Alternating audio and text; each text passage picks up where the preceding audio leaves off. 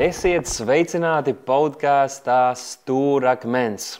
Jāsaka, kārtējo reizi mēs tiekamies, lai runātu par ļoti svarīgām tēmām, kas skar cilvēka ikdienišķo dzīvi, bet tāpat arī, protams, ticības dzīvi, un tās abas nav atdalāmas. Jā.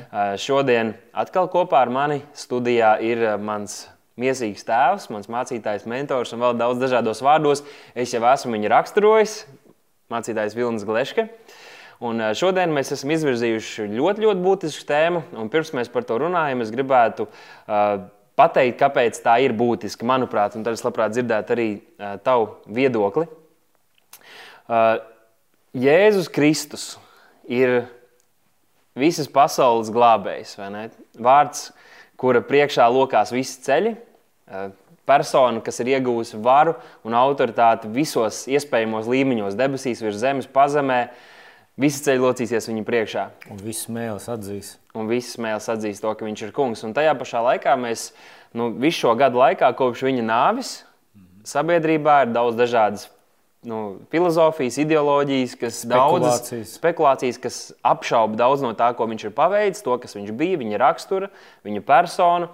Un arī šodien ir daudz un dažādas reliģijas tepat Latvijā, arī ārpus tās, kas iespējams arī sauc Jēzu par pravieti, par vēl kaut kādu labu cilvēku. Un izmanto Jēzus vārdu, lai akreditētu sevi. Mēs arī ticam Jēzum, mēs esam tādi paši kristieši. Nu, kā kā visi citi kristieši, tikai mēs ticam drusciņā savādi. Jā, mums ir kaut kas zināms vairāk. Jā. Vēl dažādos veidos varētu raksturot, kas notiek šobrīd. Tāpat arī kristīgās draudzēs, konfesijās arī iespējams.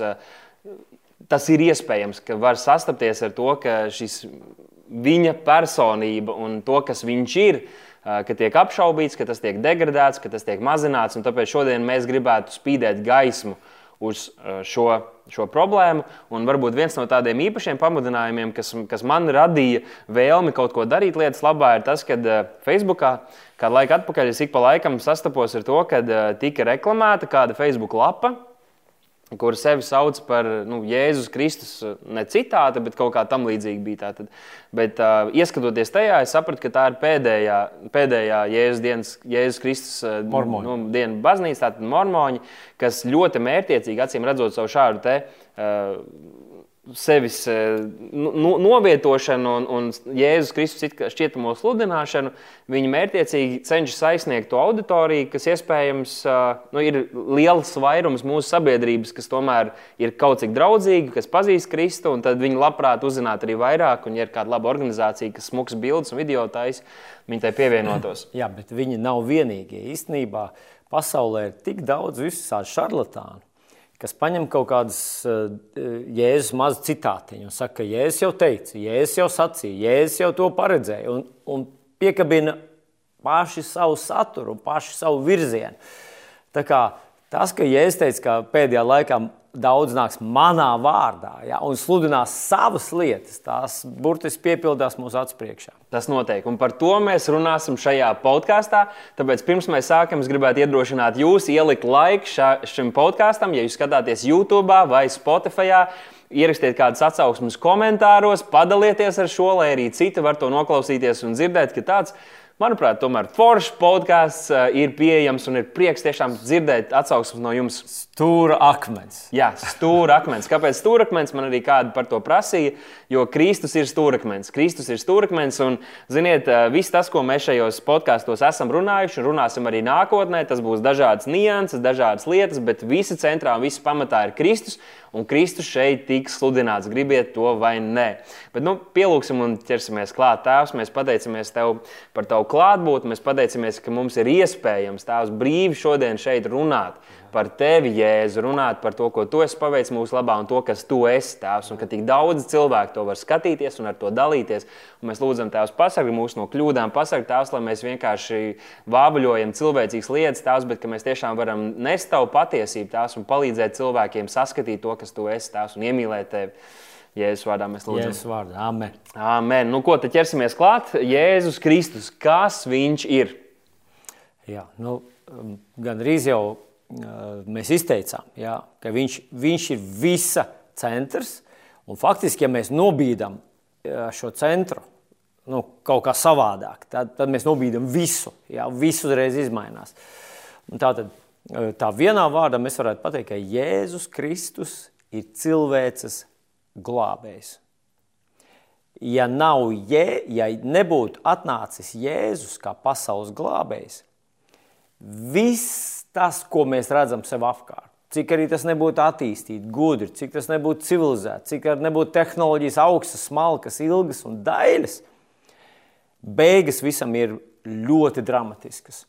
Un, ja beigas ir dramatiskas, tas tā, tā kā piedzimst skaists bērniņš, viņš aug, viņš tur viss ir ļoti skaists, bet viņš beidz kapa bedrē. Jā, ja visa cilvēka daļums, gudrība, spēks, viss beidzās kapa bedrē, un vēl vairāk, ja tas nebeidzas kapa bedrē, tas beidzās ellē, tad cilvēka dzīve ir absolūti bezjēdzīga, un tā ir šausmīga, un kā lai pasaka, tā ir tāda neliela, uh, neliela prelūdija pirms šausmīgām beigām. Jā.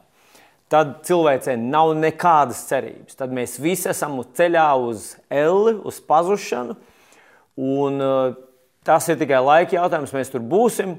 Un šī mazais sākumiņš, tas mums liekas, tas druskuļi kaut kas gaišāks un mīļāks. Viss ir tikai viens liels, milzīgs apmāns un pievilkšana. Jā, šajā adventas laikā mēs uh, dzirdam ļoti daudz dziesmas arī par Jēzu. To pat var dzirdēt par sekulārām radio un TV stacijām. Dzird šīs dziesmas un tās izdzied.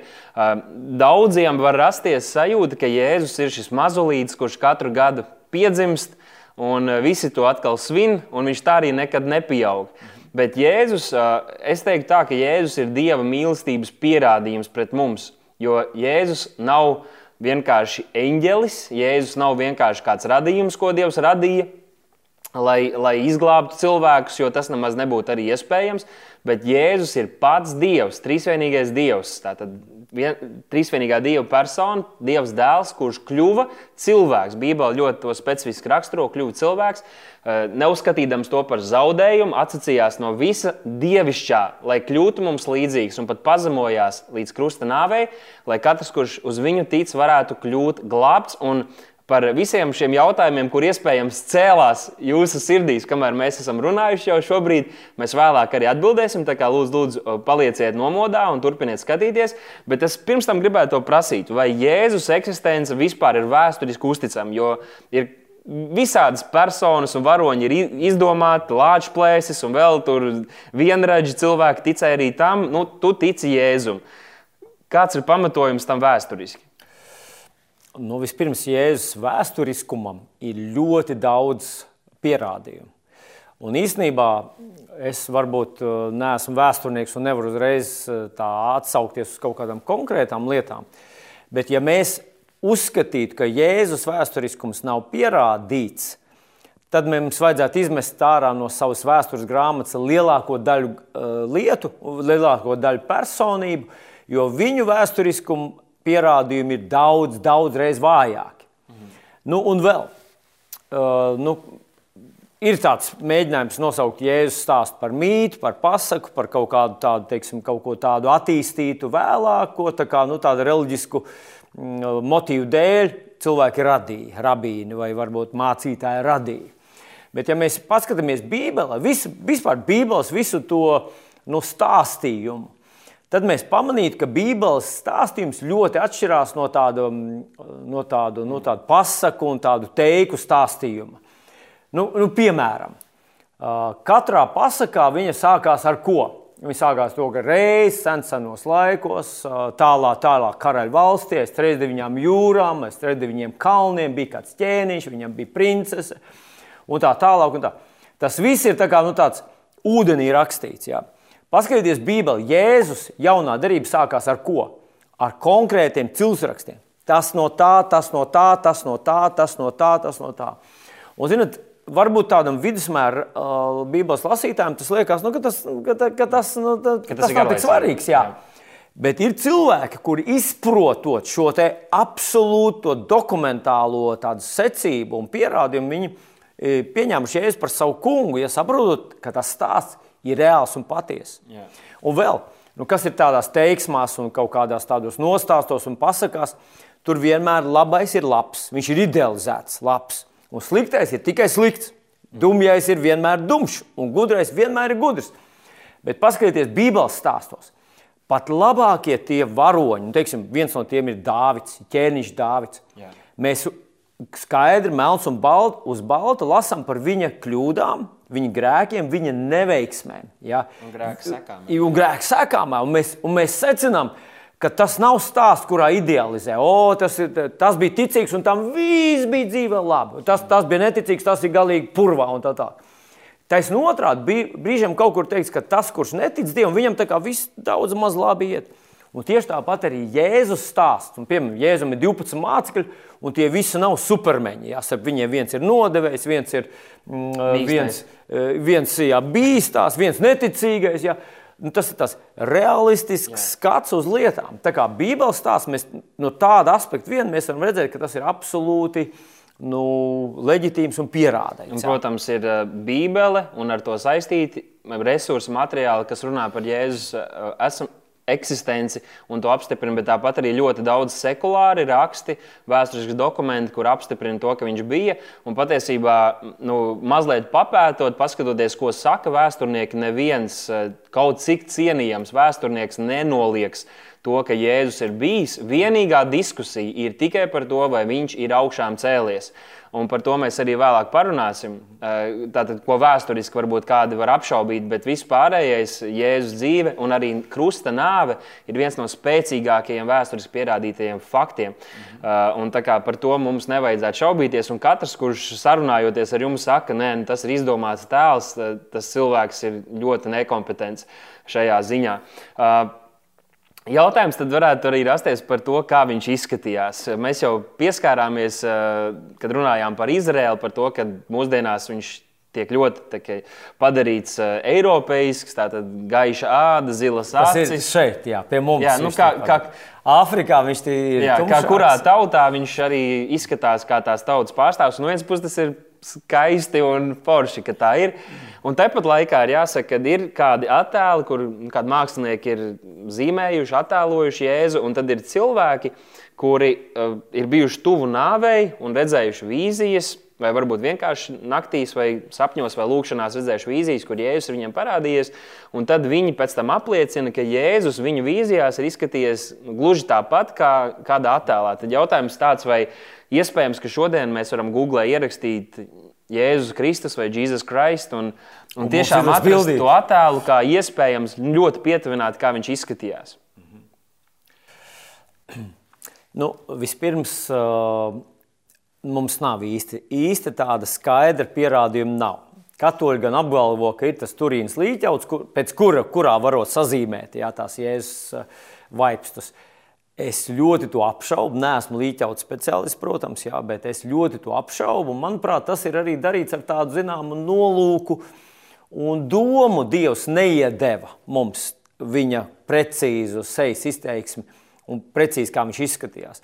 Un es domāju, viena no lietām, ko Dievs arī vēlējās tādā veidā, ir, ka mēs katrs saprastu, ka Jēzus ir piemērots arī manai dzīvei, manai situācijai. Viņš ir tūs man. Tas ir tas, ko viņš gribēja. Viņš gribēja nākt pie katra. Viņš ir mm, pieejams katram, un viņš ir saprotošs un palīdzošs un, un piedalās manā dzīves situācijā katram cilvēkam. Bet, manuprāt, visi tie, kas saka, ka ir redzējuši jēzu un saka, ka viņš ir šitāds un tāds, viņam tur acis ir uh, brūnas vai gaišas vai šādas. Visdrīzāk, ka bija brūnas. Jā, tāpēc, ka Dāvidam ir brūnas. Viņš bija jūt. Tajā jā, laikā tomēr jā. tur tumsnēji cilvēki dzīvoja. Es tomēr gribētu teikt tā. Ka vispirms mēs lasām, teiksim, atklāsmes grāmatā, kad, ka mēs varam uzticēties, ka viņš tiešām redz jēzu pēc augšām celšanās. Viņš saka, tā, Lūk, tur vidū, Jānis atklāsmes pirmā nodaļa, lūk, tur vidū redzu kādu cilvēku dēlam līdzīgu. Ieģērbta garos svārkos, apjosta ar zelta jostu ap krūtīm, ja viņa galvas mati, kā sniegbalta vilna, un tā viņa acis kā uguns liesmas. Tā kā, nu, par to krāsu būtu grūti strīdēties. Bet, manuprāt, katru reizi, kad cilvēki, un tiešām cilvēkiem ir bijusi tāda atklāsme, parādība, kurā Jēzus uzrunā viņus, Bet, manuprāt, nekad tur nav iespēja redzēt kaut kādas detaļas. Jā. Nu, vienu, ko mēs zinām, no, no Jēzus parādīšanās saviem mācekļiem pēc augšām celšanās, kad viņš saka, Tomam izstiep savu pirkstu, liec to uh, manās rokās un, un izstiep savu roku un liec to manos sānos, ka viņam ir šīs krustā sišanas rētas viņa ķermenī, tās ir palikušas. Bet tajā pašā laikā Iesai mums saka 53. nodaļā, ka viņš tur nebija nekāda ārēja skaistuma, tur nebija nekāda, ko mēs ar lapatiku uzlūkotu. Viņš bija tik ļoti parasts, ka, nu, ka, ka mums to ir grūti stādīties priekšā. Jā. Tātad Bībele, Bībele mums nedod Jēzus priekšstatu. Varbūt, varbūt ka, nu, mēs saprotam, ka, ka, ka viņa mati bija gari, ka viņa bār, viņam bija bārda, Bet tas arī viss. Jā, tas Bet arī viss. Pieņemsim, ka ir bijusi šī vīzija, un mēs jau nenoraidām, katram ir, protams, personīgas attiecības ar Dievu. Varbūt, ka Dievs kādam atklājas caur ugunskrūmu, un kādam citam caur mākoni runā uz viņu. Un kad tev, tev šķiet, ka tu esi redzējis un, un, un sastapies, vai, vai tas būtu ok, ja es atrodu kā tādu bildi, man šķiet, ka tas iespējams ir Jēzus, kad es kā kristietis viņu nesētu līdz savā makā vai lūkšanā ņemtu to bildi priekšā un skatītos uz to un, un lūgtu. Kā, kā, kā tev liekas? Nu, man tas atgādina to, to uh, atceries, ir tāda atsauce vecajā derībā, ka tev nebūs savā priekšā turēt nekādu tēlu, ja Dievs nav parādījis nekādu tēlu. Mm. Nu, tagad mums apgalvo, katoļi mums apgalvo, ka tas turīns līķauts ir kaut kas tāds, ka tēls ir parādīts. Jā. Ka tomēr ir kaut kāda bildīte, ko mēs varam vieglāk, nu, neizglītotam cilvēkam, vieglāk lūgt Dievu, viņš redz tomēr kaut kādu attēlu. Mm. Un kas man, kas man vēl vairāk biedē, protams, aiz tā, kaut, aiz tā ir kaut kāda vesela filozofija, ja, mm. ka, teiksim, kaut kādu vietēju kalēju, ja, es uzgleznoju uz altāra gleznas, ja, un cilvēki, nu, kā es to nevienam nesaku, ja, bet tas, ko viņi pielūdz, tas ir tāds vietējais personāžs, kurš tika uzgleznots, ja, un tagad ir mūsu altāra gleznā, cilvēki domā, ka tas ir Jēzus. Es, man tas saistās ar pilnīgi, nu, pilnīgi pretrunām man tas pilnīgi pretrunā ar Bībeles garu, ar Bībeles burtu, burtiski ar garu un burtu, jo Dievs nav vēlējies, lai mēs pielūdzam kādu tēlu, lai mēs to izgatavojam. Viņš ir vēlējies, lai mēs uzticamies viņa vārdam. Ja? Un man ar, man ar to absolūti pietiek. Jā, liekas, tā, no tā ir cēlusies arī tāda uh, sena, sena kristiešu tradīcija, ka lūdzot Dievu, viņa aizver acis. Ja? Un īpaši Īpaši tas ir tad, kad tu ieej tādā, nu, tādā baznīcā, kur visapkārt ir visādas figūras, visādi tēli. Ja?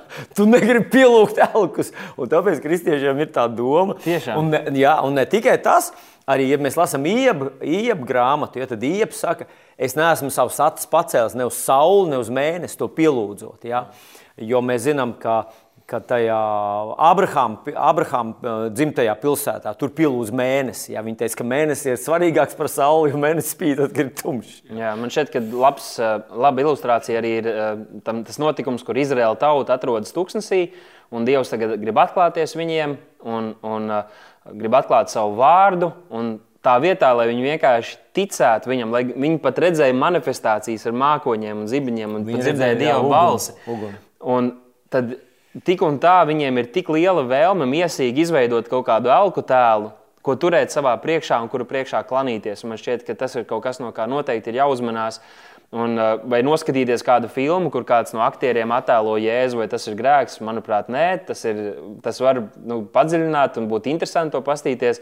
Bet lūkšanā vai savā ikdienā kādu konkrētu cilvēku vai zīmējumu attiecināt uz glābēju, kuru pat apstuļi tikai tā ar ļoti lielu bību raksturo šo viņa dievišķo paskatu, tad tas man liekas, ir ļoti, ļoti jābūt uzmanīgiem ar to. Bet Jēzus piedzima Marijai. Jā. Un kādā no iepriekšējiem podkāstiem jau visiem kļuva skaidrs, ka es īsti nezināju, kā nosaukt Jāzepu. Tātad viņš ir patēvs, nevis tēvs. Auģis tēvs. Aud, auģis tēvs, patēvs. Tātad, bet Marija bija jaunava.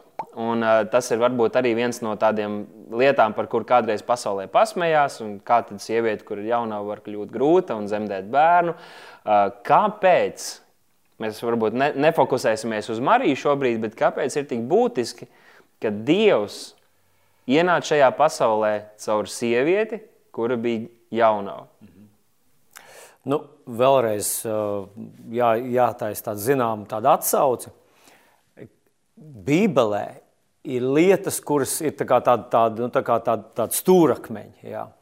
Jēzus persona ir stūrakmens. Jā. Viņu nevar, nevar spēlēties ar viņu, nevar viņu nu, teiksim, kaut kādus pielāgot un pavilkt uz vienu pusi vai uz otru pusi.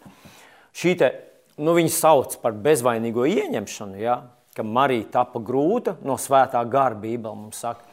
Un te jāpaskaidro, ka nav bibliski tāda veida, kā mēs varam paskaidrot tieši, kā tas notika. Jo bieži rodas jautājumi par to. Vienkārši mēs saprotam vārdu un svētais gars par tevi nāca. Tieši Eņģels atnes jo, vārdu. Ja Dievs ir radītājs, viņš ir spējīgs radīt jā. pasauli, radīt visu radību, tad viņš ir spējīgs arī izdarīt to bez nekādām erotiskām, nu, neķītrām domām, kas cilvēkiem varētu rasties. Jā, jā. Nu, tā tad. Šis punkts ir ārkārtīgi svarīgs. Un esmu dzirdējis, ka cilvēks, nu, kāda starpība, ja es biju ļoti labs, ja viņš tur dziedināja, viņš tur ļoti labi mācīja, viņš tur atnesa daudz civilizācijai, cilvēcei atnesa daudz un tādas brīnišķīgas lietas, ja kāda starpība, kas ir viņa tēvs. Bibliskajā kontekstā tas ir ļoti svarīgi. Un svarīgi tas ir tāpēc, ka ja Jēzus tēvs ir Jāzeps, kāds romiešu karavīrs, tur kāds vai šis vai tas, tad tad Jēzus ir parasts cilvēks, kāda mēs visi esam. Viņš ir pat eņģelis, kur mēs vecajā derībā saprotam, ka no tā tapa šie milži jā. radās, kad bija kāds. Jā, tas... jā. nu, var cikot. Ja, ja tas nav tā, tad Jēzus nav Dievs, nav Dieva dēls, un tad viņš nevienu izglābt nevar. Jā. Tad viņš var būt labs skolotājs, varbūt viņš ir filozofs, varbūt viņš ir pasaulē lielākais krāpnieks. Tad Bet, ja Jēzus ir piedzimis jaunavai, un redzat, kas ir interesanti, ka apsto, pravietis uh, pasludināja to Iesaja grāmatā 7. nodaļā. Un mēs zinām, ka tajā laikā bija ļoti tāda, nu, tāda skrupuloza pieeja praviešiem. Ja tu nopravietoji un tas nenotika, tev varēja nomētāt akmeņiem. Jā. Un iedomājieties, pravietim pasludināt kaut ko tādu, ka jaunava taps grūta, un viņi dzemdēs dēlu, un viņa vārds būs Imānuēls, tātad Dievs ar mums. Mm. Es domāju, Iesajam vajadzēja pamatīgu nu, pārliecību, ka tas ir Dievs, un viņš to izrunāja. Un interesanti, ka iet gadi, viņš to ir uzrunājis, viņš to ir uzrakstījis, un iet gadi, un tas nepiepildās. Īsnībā tas piepildījās 700 gadi vēlāk, ja, pēc iesaistas pasludinātā. Jaunava taps grūta. Nu, kāpēc, kāpēc tas ir svarīgi, ka viņš tomēr piedzimst, ka viņš nevarēja vienkārši nokāpt pa trepēm no debesīm, bet ka viņam vajadzēja piedzimt kā cilvēkam un tomēr ne no cilvēka tēva. Un tas ir uzrakstīts 3. mūža grāmatā, 17. nodaļā. Tur ir tā doma izteikta, ka uh, katras dzīvības dvēseli ir asinīs. Jā. Un mēs zinām, ka auglis vai, vai bērns savu asins grupu vai asins viņš saņem no sava tēva. Teiksim, tāpēc kādreiz mamma, ja viņiem ir rezus, nu vismaz agrāk tas bija pop, bieži izklaidīts, bija tāds rezus, rezus konflikts, ja, ka tēvam ir viens rezus grupas asins un mātei citas. Un, un līdz ar to auglis iegūst tēva asinis, ja viņiem uh, ir, ir problēmas ar to. Uh. Nu, var sakot, ka Jēzus iegūs savu dvēseli, viņš iegūs savas asinis no debes tēva, ja, no dieva.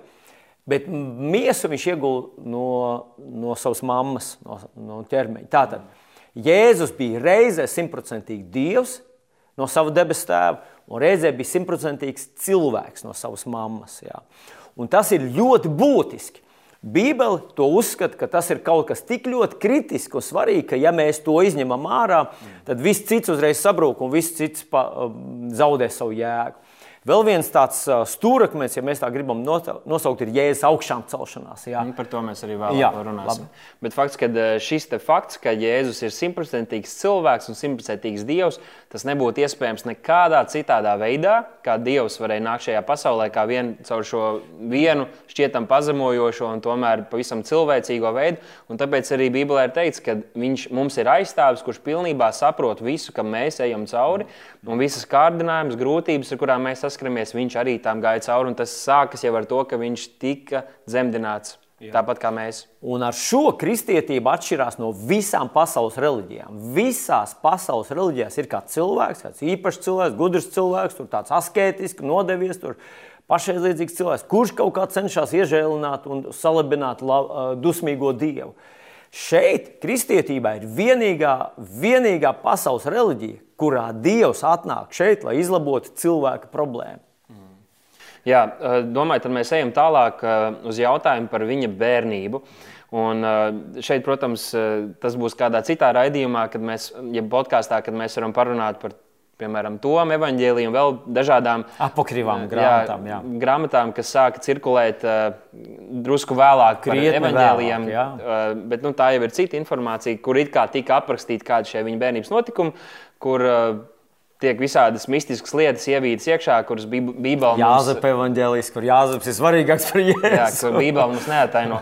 Bet ir cilvēki, kas uzdod šo jautājumu, kāpēc nav informācijas par viņa, par Jēzus bērnību, jo mēs redzam viņa piedzimšanu, mēs redzam, kad atnāk tātad gani, atnāk arī šie austrumu, austrumu gudrie, pēc tam mēs redzam, kad viņi iet paslēpties, bet pēc tam uz kādu laiku viņi pazūd. Jāsaka, gluži tā nebūtu patiesība. Mēs kaut vai varam doties uz Lūkas evanģēlī, kur otrajā nodaļā rakstīts 40. pantā, ka bērns auga, tapu stiprs garā, pilns gudrības.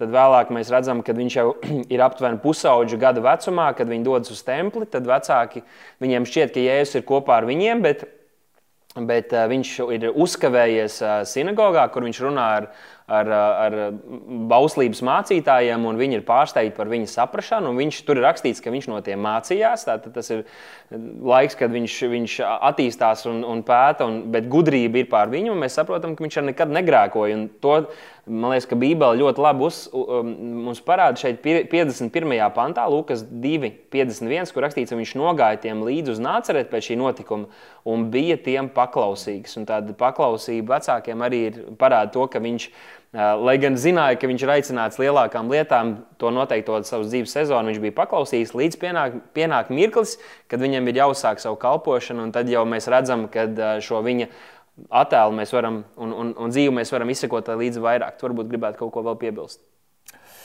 Jā, nu, es varbūt nevaru neko vairāk piebilst par jēzus bērnību, jo es lasu to pašu Bībeli. Viņš uztaisīja no māla putniņus, iepūta tiem iekšā un viņa kļūda dzīvi. Jā, tas jā, visāds... arī musulmaņi tam tic. Jā. Jā. Nu jā, bet uh, man liekas, ka svarīgi ir saprast, kas Bībele tāda vispār ir. Jā. Ka Bībele nav fizikas grāmata, Bībele nav vēstures grāmata, lai gan tur ir kaut kas no vēstures un kaut kas no fizikas.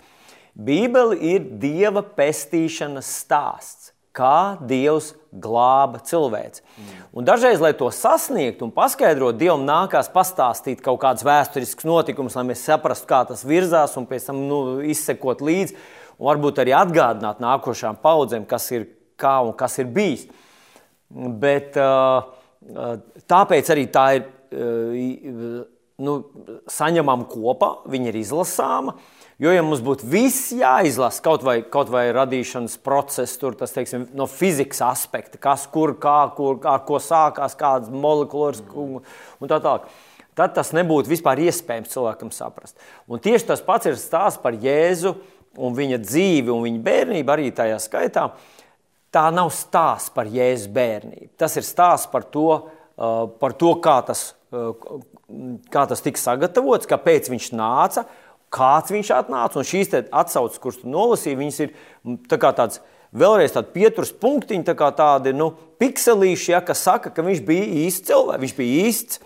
Uh, bērns. Jā, bet problēma ir tā, ka cilvēkiem un kristiešiem arī nu, tās ausis sniedz. Jo mēs saprotam, ka Jēzus ir glābējis, bet gribās taču zināt, kā viņš tur bērnībā, kā ka brāļi viņu jā. atkal gribēja viņu apcelt. Kā jā, viņš atbildēja? Viņš bija vecākais brālis. Jā, jā. jā, jā, jā, jā tas ir Tas bez šaubām, bez šaubām tas būtu interesanti. Jā, jā, varbūt, ka debesīs mēs to zināsim. Iespējams, es domāju, ka mēs varēsim redzēt filmas. Jā. Es domāju, ka tas ir viss nofilmēts ar, ar 5G. Varbūt, vai, nu, es nezinu, kā tur tās tos ļoti augstā kvalitāte būs iespējams to noskatīties. Un, un uh, pabrīnīties un priecāties par to. Jā. Bet šobrīd mums ir iedots tas, tas minimums, kas mums ir vajadzīgs, lai mēs noticētu, lai mēs saprastu, un lai mēs uzticētos. Bez uzticības šeit nav iespējams. Jā, diemžēl, vai par laimi, es gribētu teikt, ka mēs dzīvojam tādā ļoti brīnišķīgā laikā, kas saucās žēlstības un ticības laiks. Un par laimi mēs tiekam galā tiekam cauri ar uzticēšanos Jēzum. Jā, un uzticēšanās ir ticība. Un varbūt vēl jāpiebilst um, tas, ka arī par Jēzus kalpošanas laiku mums varētu šķist, ka mēs zinām pilnīgi visu, jo četri evaņģēlīji un daudz vietā atkārtojās, bet arī tur ir uzrakstīts tikai notikumi un lietas, kuras kurām vajadzēja atnākt līdz mums ļoti daudz, kas, ko Jēzus darīja, un iespējams kādas lietas uh, nav pierakstītas. Par to arī apstults Jānis, ja, ja, ne, ja nekļūdos. Jā, jā, jā, viņš arī rakstīja, ka, ja gribētu uzrakstīt visu, kas notika, un visu, ko Jēzus darīja un teica, tad būt, nebūtu uz, uz šīs pasaules vietas, kur tās visas grāmatas izvietot. Tā kā viņš darīja Tieši daudz tā. vairāk, bet līdz mums atnāca tās lietas, no kurām mums vajag mācīties un kuras mums vajadzēja izlasīt. Tā kā mums jāuztic Dievam un uh, viņa vārdam šajā saistībā. Uh, nu, lūk, tad mēs esam nonākuši Jēzus kalpošana, par to jautājumu nav. Tur notiek zīmes un brīnumi. Un jāsaka, ka tas ir ļoti interesanti, bet pat arī citu reliģiju pārstāvi apstiprina un apliecina, ka Jēzus bija darījis šādus brīnumus. Piemēram, tie paši musulmaņi, viņi arī apliecina, ka Jēzus darīja šādas pārdabiskas lietas, lai gan, lai gan Muhameds neko no tā nespēja, nekādu pārdabisku lietu viņš nebija spējīgs darīt, to viņi paši apliecina. Bet Jēzus tiek nogalināts. Ja? Ir tāda šī krusta nāve, un pirms tam ir liela šī procesija, par kuru mēs arī zinām, kas nogalināja Jēzu. Un vai Jēzus zināja, ka viņš augšām celsies? Jo ir kādi, kas saka, ka viņš bija cilvēks, un viņš pat nenojauta, kas viņu sagaida. Uh, nu, man tas liekas absurdi, bet kas nogalināja Jēzu? Jo Jēzus ļoti atklāti vairāk ar saviem mācekļiem un saviem sekotājiem teica un stāstīja par notikumiem, kas viņus sagaida. Viņš lūdzās tēvam, saka, ja tas ir iespējams, lai tas iet man garām. Tad kādam apgalvot, ka Jēzus pat nenojaut, kas viņu sagaida, man liekas, tas ir tik absurdi. Kas nogalināja Jēzu? Nu, re, ir tas, Jūdi. Uh, ir tas uh, sazvērstības teorijas. Mēs arī dzīvojam tajā laikā, kad visi. Nu, uh, Nu, ir ļoti populāri ticēt, ka kaut kur kāds ir tādi ļaunie, bagātie cilvēki sazvērējušies pret pasauli. Tādas sazvērstības teorijas ir, ir pavadījušas kristietību. Īpaši viduslaikos bija ļoti populārs, ja, kad vainoja ebrejus, ja, ka ebreji ir šitādi un tādi, viņiem vajag lieldienās, viņiem vajag kristiešu asins, kas ir, manuprāt, tas ir vēlna līmeņa indīgas domas. Jā. To pat tādam normālam, dzīvam cilvēkam nevarētu ienākt prātā, bet tādas uh, bija. Nu, tad bija tāds ļoti populārs um, sauklis, ja iesim lieldienās, ja bieži vien iesim sist Kristus vai kunga slepkavas. Wow. Jā, ar domu, ja, ka tie ir ebreji. Un tad bija grautiņi, bija slepkavības, bija publiskas pazemošanas, bija laupīšanas. Jā. Tātad vai ebreji nogalināja Jēzu. Un mēs zinām, ka ebreji nenogalināja Jēzu, jo ebreji bija okupēta valsts tajā laikā. Izraela bija okupēta valsts, un visa vara tiesu lemt un piespriest kaut kāds spriedums bija Romas, Romas varai, ja, Romas okupantiem. Tā kā, ja mēs gribētu būt precīzi šajā gadījumā, mums būtu jāsaka, ka itāļi bija tie, kas nogalināja Jēzu. Ja. Bet mēs, mēs nevainojam itāļus. Ja. Nu, nu, Tajā pašā laikā Jēzus mums ļoti skaidri saka, Jāņa Evanģelijā, desmitajā nodaļā, ka neviens viņam nav atņēmis viņa dzīvību. To neizdarīja ne ebreji, lai gan mēs lasām, viņš nāca pie saviem, un savie viņu neuzņēma. Uh, un to neizdarīja itāļi arī. Kas tad, kas tad nogalināja Jēzu? Jēzus vispirms deva savu dzīvību. Viņš saka, man ir varu to atdot, un man ir to arī paņemt atpakaļ. Wow. Jēzus varēja jebkurā mirklī apstāties. Ja viņš nebūtu vēlējies mirt par mums, viņš būtu vienkārši knipi sasīts. Viņš būtu pateicis vienu vārdu, un viss tas, kas tur apkārt, visi tie bruņotie vīri, visi tie nelabvēli, visi tie zaimotāji, viņi visi būtu sabiruši pīšļos. Tas šeit arī Mateja evaņģēlī 26. nodaļā rakstīts 52. pantā, kur ja Pēters ņem un cērt šo, šo ausi. Uh, tad, kad Jēzus tiek sagūstīts un Jēzus viņam saka, bāz savu zobenu viņa vietā, jo visi, kas ņem zobenu no zobena, aizies bojā. Jeb vai tu domā, ka es nevarētu lūgt savu tēvu, un viņš man nesūtītu tūlīt vairāk nekā 12 leģionu eņģeļu, bet kā tad raksta, lai piepildītos? Jo tam tā būs notikt. Jā, wow. jā viņš Jāņa Evanģēlijā 16. nodaļā viņš saka, vēl maz brīdi jūs um, mani redzat, pēc tam jūs mani neredzēsiet, un pēc maz brīža jūs mani atkal redzēsiet. Jā. Un viņš burtiski Viņš zina, uz kurien viņš iet, viņš to dara mērķiecīgi, viņš to nu, dara brīvprātīgi, viņš nomirst par mums, un mūsu vai Jēzu nogalināja mūsu grēki, tavs un mans grēks. 1. pētera 224. viņš saka, ka viņš uznes mūsu grēku savā miesā pie staba, lai mēs grēkiem miruši dzīvot taisnībā. Ar viņu brūcēm esam dziedināti. Tad kāpēc viņš nomira? Pie krusta viņš izcieta mūsu sodu, viņš uzņēmās mūsu lāstu, viņš bija Dieva sodīts un spīdzināts mūsu dēļ. Tur bija jābūt mums. Tā ir katra grēcinieka uh, ceļš uz pazušanu. Ja? Un Jēzus to izgāja manā un tavā vietā. Un viņš absolūti zināja, ka viņš augšām celsies. Viņš to bija mācekļiem pateicis. Un vēlāk, pēc augšām celšanās, atceries, arī tie, uh, tie eņģeļi viņam saka, nu, kā viņš jums teica, jā, tā, ejiet uz galiem, nu, kā jau viņš jums sacīja. Jā, tur jūs viņu sastiksiet. Jā, nu tad Jēzus tiek piesists krustā. Vai tieši kurā dienā, vai mēs zinām konkrēti, tieši kurā dienā ir kādi, kas apgalvo, ka ļoti liela precizitāte var pateikt, ir kādi, kas varbūt šaubās par to, mēs varbūt tagad īsti negribam iedzināties, bet tātad viņš nomirst, viņš izdvež savu garu, ja? Tēvs piedod viņiem, viņi nezina, ko viņi dara, viss ir piepildīts, viņš atdod savu garu, un tad ir tātad šīs te, Nu, saka, trīs dienas, bet trīs pēc, dienas, pēc, naktis, pēc ebreju teiksim, kalendāra tur sanāk, ka tas ir drusku mazāk, bet tas ietilpst. Tad pirmā, otrā, trešā diena, trešajā dienā viņš augšām ceļās. Uh, kas notiek šīs trīs dienas? Ir kādi, kas saka, ka tad, kad Jēzus nomira, viņa demoniskā pasaule viņu novilka lejā uz kādu elli, uz mūžīgo uguns vietu un spīdzina viņu un ņirgājas par viņu, domā, ka viņi ir uzvarējuši. Viņš trīs dienas tiek mocīts un tad pēkšņi viņš ceļas augšām. Ir kādi, kas saka, ka, ka viņš nogāja lejā, iegāja sātana kabinetā, norāva viņa kājas no galda un paņēma atslēgas un, un uh, pazemoja viņu un devās uzvaras triumfu atbrīvot visus, kas bija ieslodzīti. Kā tavuprāt, kas, kas tur notika? Jā, nu, tas nav uzrakstīts. Jā, tas nav uzrakstīts, un mēs varam tikai par to domāt un spekulēt. Bet, manuprāt, viens ļoti svarīgs princips, kas man šķiet būtu jāsaprot, ka ne jau, ne jau vēlnam Jēzus maksāja kaut kādas nodevas. Ja? Ka tas bija Dievs, kurš visu savu bardzību un savu sodu par grēkiem, par cilvēces grēkiem, viņš izgāza tās uz Dieva jēru.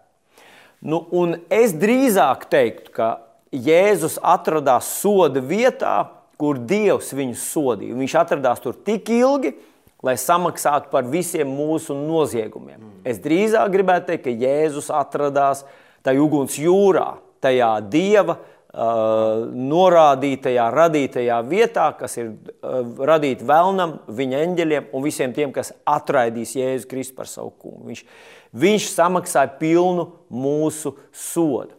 Un kā Iesai grāmatā 53. nodaļā rakstīts, ka viņš uznesa mm, Tātad viņš bija ievainots mūsu pārkāpumu dēļ, mūsu grēku dēļ satriekts, mūsu sots bija uzlikts viņam, mums par atpestīšanu. Mūsu sots bija uzlikts viņam.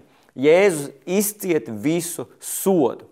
Tajā pašā laikā, re, kur Pēters raksta 1. pētera vēstulē, 3. nodaļā, ir rakstīts, ka viņš no garā, tātad Jēzus garā, miesa bija tātad, atradās tajā kapā, bet garā viņš nogāja cietumā un pasludināja gariem cietumā. Un kādreiz šeit cilvēki attīsta to domu, un, un man te gribas uz mirklīt apstāties. Attīsta to domu, ka Jēzus aizgāja pie tiem, kas tur kaut kādos iepriekšējos laika posmos bijuši, tagad nu, viņi atrodas tajā nāves valstī, un Jēzus tur sludina. Viņš tā kā evanģēlists atnāk tur un tur visu visādi tur tajā nāves valstī, un viņš ir sludina, kurš uzticēsies man, nākat, paļaujoties uz manīm. Un tad, un tad uh, tiem gariem, tiem, tiem iepriekšējiem, iepriekšējos laikmetos dzīvojušiem cilvēkiem tiek dota otra iespēja. Un vispār šī doma Es, protams, nevaru apgalvot, ka esmu simtprocentīgi pareizs, bet, manuprāt, ir ļoti bīstami domāt, ka uh, vienmēr būs vēl otra iespēja. Ja? Vēl otra iespēja, vēl otra iespēja, vēl otra iespēja. Un interesanti, ka mēs lasām par Ēzavu. Ja? Ēzavs bija jēkab brālis, un kad viņš pārdeva savu pirmzimtību, tad tur rakstīts, ka viņš ar asarām meklēja atgriešanos, un viņam tā netika dot. Tā kā, otrais viņam tā iespēja iegūt šo īpašo svētības statusu netika dot. Un pastāv tāds, tāda doma, ka Jēzus pēc tam, kad viņš bija izcietis visu sodu, aizgāja uz šo nāves valsti, Šeolu, ja, un pasludināja savu uzvaru. Ja? Un tad notika tas, ka viņš atnāca un tos taisnos cilvēkus, kas arī bija ieslēgti tajā nāves valstī, ja? Un kā mēs lasām, Jēzus stāsta to, to, to stāstu par, um, par Abrahāmu klēpi. Abrahāmu klēpi un nabaga glāceru, jo bagāto vīru un nabaga glāceru. Viens tiek ka, nocīts, otrs ir jā, un ka tur starp viņiem ir, ir, viņi ir vienā vietā, bet viņi ir atdalīti nost. Un ka tur ir tie taisnie, kas tomēr ir tajā vienā vietā, kur arī tie, tie tur. Jā, tie, tur tomēr tie arī ir atšķirība. Viena, tomēr mēs redzam, ka ir tādā kā moku vietā, un viņi saka, un šis otrs kurš acīm redzot bija dzīvojis taisnu dzīvi, viņš ir tādā savā ziņā komforta vietā. Viņš ir kopā ar Abrahāmu. Jā. Jā, tas, jā. tas teiciens Abrahāma klēpī ir būt kopā jā. ar Abrahāmu. Nu, jā. Ka Jēzus atnāca un šos taisnos cilvēkus, kas dzīvoja citos, citos apstākļos un citās um, sistēmās, bet viņi paļāvās uz to mesiju, kas nāks vēlāk. Jā, nu, vecās derības, uh, bauslības laika cilvēki. Ar to atziņas daudzumu, kāds viņiem tajā laikā bija pieejams, viņi ticēja. Viņi, viņi ticēja, un viņi viņi jā, tajos noteikumos, ja viņi centās no visas sirds mm. uh, uzticoties uz to, kas būs. Jā. Nu, lūk, ka viņš vienkārši pasludināja šo atbrīvošanu, un viņš uh, atbrīvoja tos cilvēkus. Tad mēs Mateja evanģēlijā lasām, ka daudz svēto parādījās Jeruzalemē. Viņi neturpināja dzīvi, bet viņi aizgāja prom. Viņi atnāca un teica, ka viņi tā tad ir at, at, izglābti, ja viņi dodas uz debesīm. Tātad Uh, nu, tā, tā, tā ir mana versija. Es tā domāju, ka viņš vispirms saņēma no Dieva visu sodu, kas bija jāsaņem par visas pasaules grēkiem. Jā. Viņš to visu saņēma. Tad, kad viņš to bija izcietis, lai, lai mūsu sots tiktu samaksāts, viņš aizgāja uz nāves valsti un atbrīvoja visus tos cilvēkus, kas bija iepriekšējos dažādos laikmetos, jā, bija paļaujušies, ticējuši, uzticējušies uh, nu, jā. tajos apstākļos. Super. Bet fakts, ka arī no tā, šīs tavas interpretācijas sanāk, ka ka tas viņa triumfa gājiens jau sākās krietni pirms tās trešās dienas, kad viņš augšām ceļās. Tā augšām celšanās bija mirklis tikai, kad tas parādījās uh, visiem, bet teiksim, šī viņa triumfa gājiens, kur viņš dodas pie šiem, lai pasludinātu šo brīvību, ko viņi ir saņēmuši, tas ir jau pirms viņa fiziskās augšām celšanās. Tā, tur ir kaut kāds periods. Uh, kaut kādas sezonas, kas notiek tajā īsajā trīs dienu laikā, kad notiek viens soda saņemšana, un tad uzvar triumfs, nāves elas atslēga, kas tiek saņemta, un tad viņš dodas. Uh, augšām ceļas un, un dodas pie saviem mācekļiem. Nu, super. Um, tad vēl drusku par augšām celšanos. Kā jau sākumā teicu, Kristus augšām celšanās ir vienīgā lieta, kas iespējams tiek apšaubīta. Lai gan uh, argumentu un pierādījumu ir ļoti, ļoti daudz. Tajā pašā Bībelē, kur arī ir vēsturiski uzticama, mēs redzam, ka paši apstuļi atsaucas uz viņa augšām celšanos, un tātad tie, kas bija viņam līdzās, viņam līdzās un lasīja šīs vēstules, viņi tajā laikā varēja pārbaudīt, viņi varēja runāt ar cilvēkiem, kuri to bija piedzīvojuši. Tāpat viņi atsaucās uz to, ka ir 400 cilvēki, kuriem Jēzus tika parādījies. Tātad tie nebija tikai 12, kur iespējams varēja sazvērēties, bet uh, tas bija liels cilvēku daudzums jau tajā laikā. Tāpat ir arī sekulāri uh, se, sekulāras uh, nu, resursi, informācijas avoti, kas liecina par lielām pārmaiņām, kas notika šajā kopienā. Mēs redzam, kaut vai Pēters, kurš iepriekš bija nobijies, tad pēkšņi viņš kļūst ticības pilns un sludina evaņģēlīju, riskējot ar savu dzīvību. Mēs redzam Pāvilu, kurš sastopās, kurš iepriekš vajā draugu, bet viņš sastopās ar Kristu un pēkšņi viņš kļūst pilnībā pagriežs otrādi. Ir daudz lietas, kuras citādāk nav iespējams izskaidrot, kā vienīgi ar to, ka Jēzus ir augšām cēlēs. Un tur vēl ir daudz pierādījumu. Es uzliku šeit augšā linku uz kādu video, ko mēs draudzē sagatavojām pēdējos augšām celšanās svētkos, kur mēs centāmies kā, ietvert nu, lielu, nu ne visus, bet da, daļu tādu ļoti spēcīgu argumentu, kur runā par jēzus augšām celšanos, un tomēr tas ir ticības jautājums. Jā. No 12 jēzus apstuļiem 11 uh, apliecināja ar savu nāvi, ar savām asinīm, parakstījās, ka viņi ir bijuši liecinieki, ka viņi viņu satikuši un ka viss tas jēzus stāsts ir patiesība. Ja. Uh, Es nezinu, nevienu citu, ja, kur vēsturiski notikumi vai vēsturiski persona, kura sekotāji būtu visi gatavi uh, par viņu un par tiem vārdiem nomirt. Ja. Mm. Un bez tam vēl tu pieminēji arī apstulbu Pāvilu. Jā, viņš bija rabīns Sauls tajā laikā. Viņš savas dzīves laikā bija Jēzus laika biedrs. Jā. Un tomēr viņam savas dzīves laikā nebija iznācis ar Jēzu saskarties personīgi. Jā. Viņš tā kā paralēli tur kaut kur dzīvoja. Ja, viņš dzīvoja arī, kā mēs lasām, viņš mācījās Kilikijā, ja, viņš mācījās tur pie, pie Gamalija kājām. Varskot, viņš bija tos trīs ar pusi jēzus kalpošanas laiku, viņš tā kā bija nost. Bet, kad viņš kā, nu, sāk piedalīties tajā Jeruzalemes un, un jūdejas visā tajā dzīvē, viņš uzskata, ka tā ir absolūti maldi un viņš pret to ļoti aktīvi cīnās. Viņš to dara kā izglītots cilvēks, viņš to dara kā cilvēks, kuram ir vara un pieeja pie nu, tām varas aprindām. Ja. Un Viņš tad sastopas, kā, tu, las, kā tu sacīji, viņš sastopas Jēzu, kurš ir augšām cēlies. Jēzus sastopas viņš viņu uz Damaskas ceļa, un viņš sastopas viņu tādā godībā un tādā spēkā, ka viņš kļūst akls. Mm. Nu, lūk, tā tad iedomājieties šo puisi, ja, kurš sastopas savā ceļā Jēzu, vai viņš pēc tam neizpētīja visas tās nianses, vai viņš nerunāja ar, at, ar acu lieciniekiem. Un no Pāvila vēstules korintiešiem, un tas ir Pāvila vēstulē korintiešiem 15. nodaļā, Pāvils šo atsauci dod. Viņš saka, ka šeit ir apmēram 400 uh, liecinieki, kas viņu redzēja, kas ar viņu runāja, kas ar viņu ēda. Un, un, un viņš saka, ka daudz jau ir nomiruši, bet daudz, ir, daudz vēl ir dzīvi.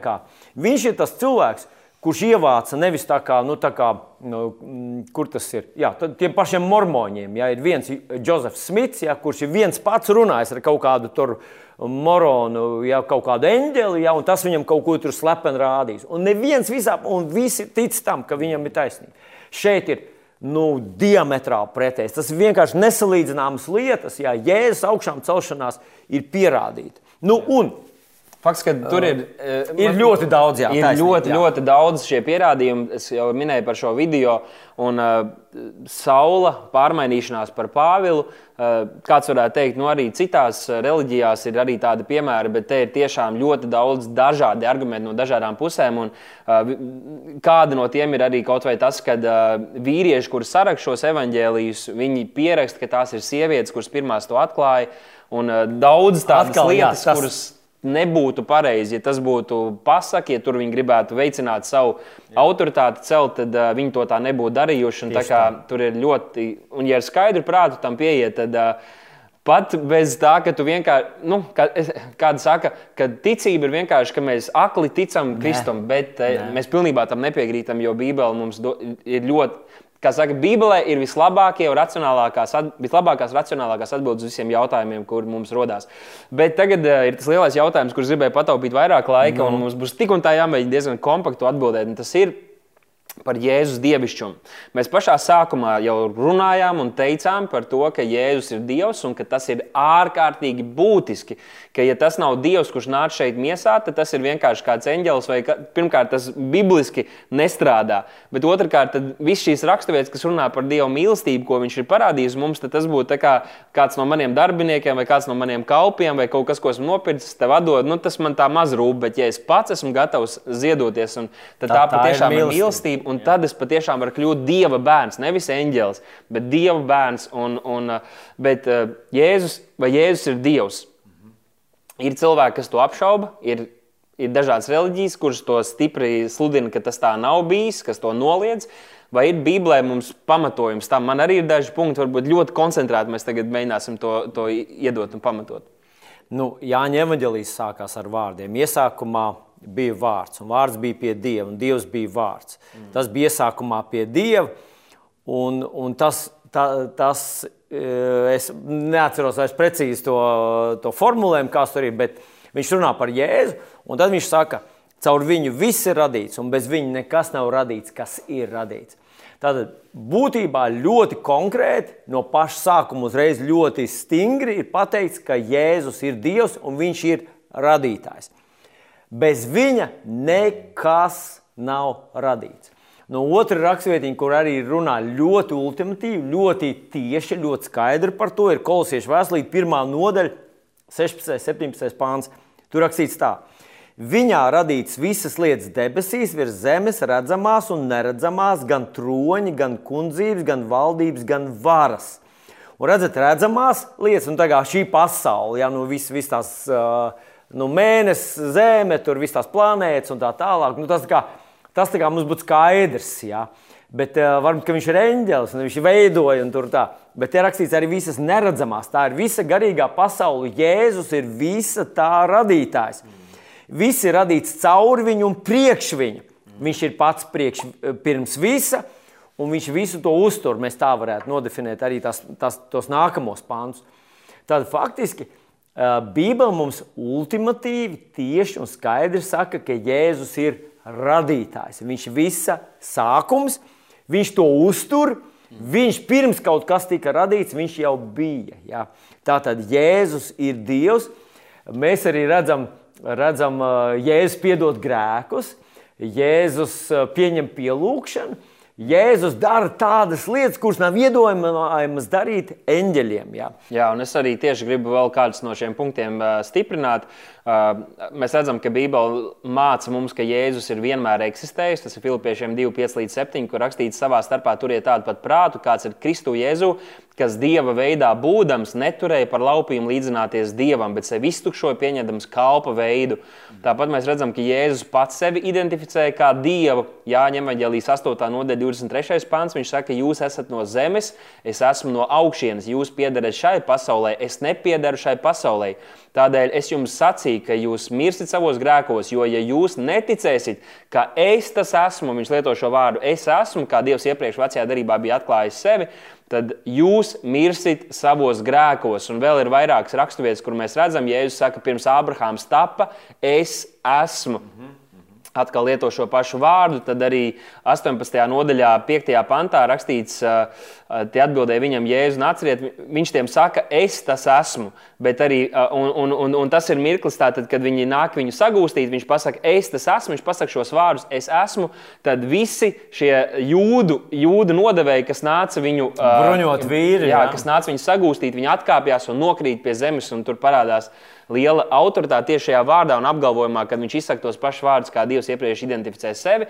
Mēs redzam, ka apstuļi identificē Jēzu kā Dievu otrā pētera vēstule, pirmais, pirmā nodaļa, pirmais pants. Viņš Pēters raksta, Sīmens, Pēters, Jēzus Kristus kalps un apustulis tiem, kas mūsu dieva un pestītāja Jēzus Kristus taisnībā dabūjuši to pašu dārgo ticību. Tā ir atkal Jēzus Kristus Dievs. Atklāsmes grāmatā Jēzus parādās, viņš saka, es esmu alfa, omega, pirmais, pēdējais sākums un gals. Mēs arī redzam evaņģēlijos, ka jūdu līderi kuriem tā būtu pēdējā lieta, ko viņi gribētu stiprināt Jēzus šo dieviš, dievišķumu, vai ne? Jo viņi gribēja noraidīt Jēzu nu, jūdu laicīgie jā, līderi, jā, līderi jā. reliģiskie līderi. Un šeit, Marka evanģēlī 2. nodaļā, 5. pantā, mēs lasām un redzam viņu ticību, Jēzu, redzēdams viņu ticību, Jēzus sacīja uz triekas ķerto. Mans bērns, tavi grēki tev ir piedod, tas ir tas, ko tu teici, viņš piedod grēkus. Bet tur bija kādi no rakstu mācītājiem, tie sēdēja turpat un domāja savā sirdī, ko šis tā runā. Viņš zaimo Dievu, kas cits var grēkus piedot kā vienīgi Dievs. Tātad viņš darīja lietas, kuras tikai Dievs var darīt. Tātad viņš sevi identificēja kā Dievu un to uztvēra tā laika jūda jūdu līderi. Un tad kāda var teikt, ka Jēzus to nebija domājis, bet mēs redzam, ka nepārtraukti viņu grib nogalināt. Tādēļ, ka viņš dara lietas, ko tikai Dievs ir spējīgs darīt.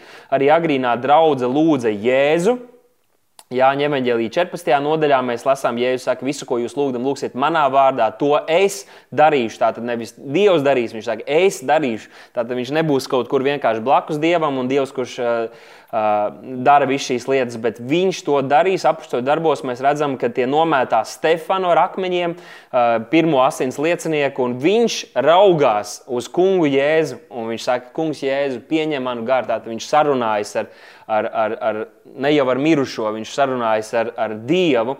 Agrīnā draudzene pielūdz Jēzu. Mateja evanģēlijā, tie jau mēs pirms podkāstu runājām, austrumu gudrie atnāk un viņi saka, mēs esam atnākuši, lai pielūgtu, un viņi to arī dara. Jau zīdaini viņi pielūdz. Vēlāk Mateja Evangelija 14. nodaļā.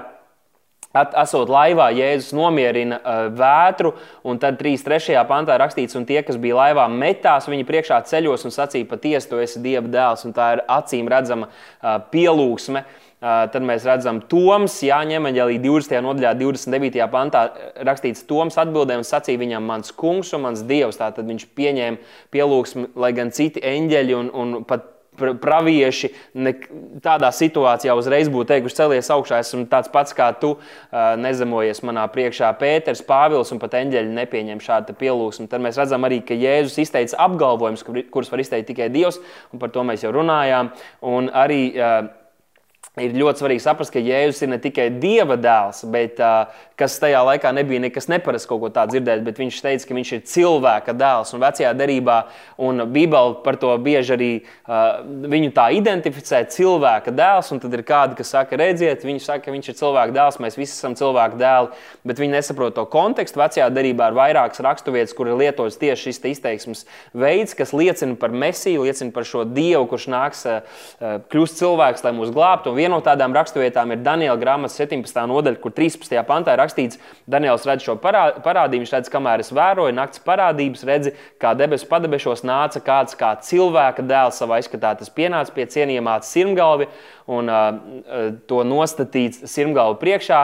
Viņam tad tika piešķirta vara, godība un valdīšana, tā ka viņam pakļāvās visas tautas, uh, tautības un valodas. Un tātad katru reizi, kad kādi ticīgie, vai arī apstuļi vai mācekļi Jēzu sauc par cilvēka dēlu. Tas nebija vienkārši, nu, viņš ir vienkārši cilvēks, bet viņi runāja par vecās derības pravietojumiem, ko viņi redz, ka tie piepildās. Un vēl varētu minēt daudz un daudz pierādījumu. Vēl varētu nobeigt ar Jā.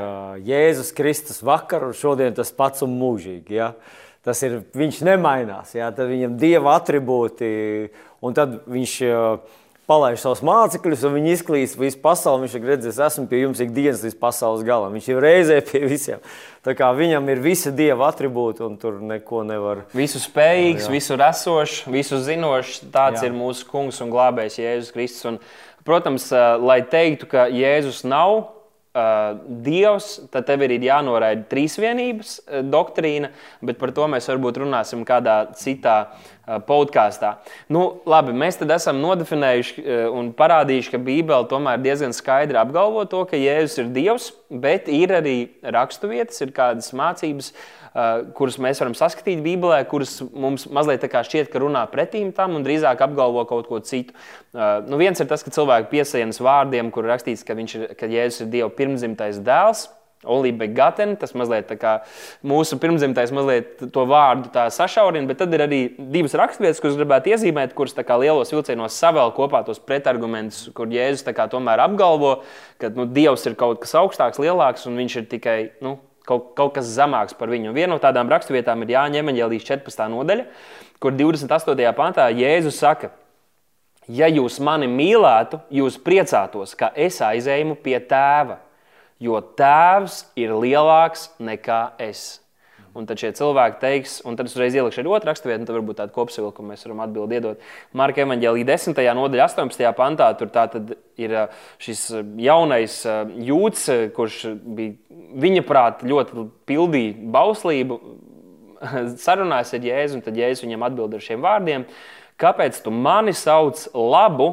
Neviens nav labs kā vienīgi Dievs. Un šī nu, ir vēl dažas raksturvietas, kas ietilpst šajā kategorijā, kur tātad Jēzus saka, es esmu kaut kas zemāks, mazāks, netik pilnīgs un labs kā tēvs ir, kā Dievs ir.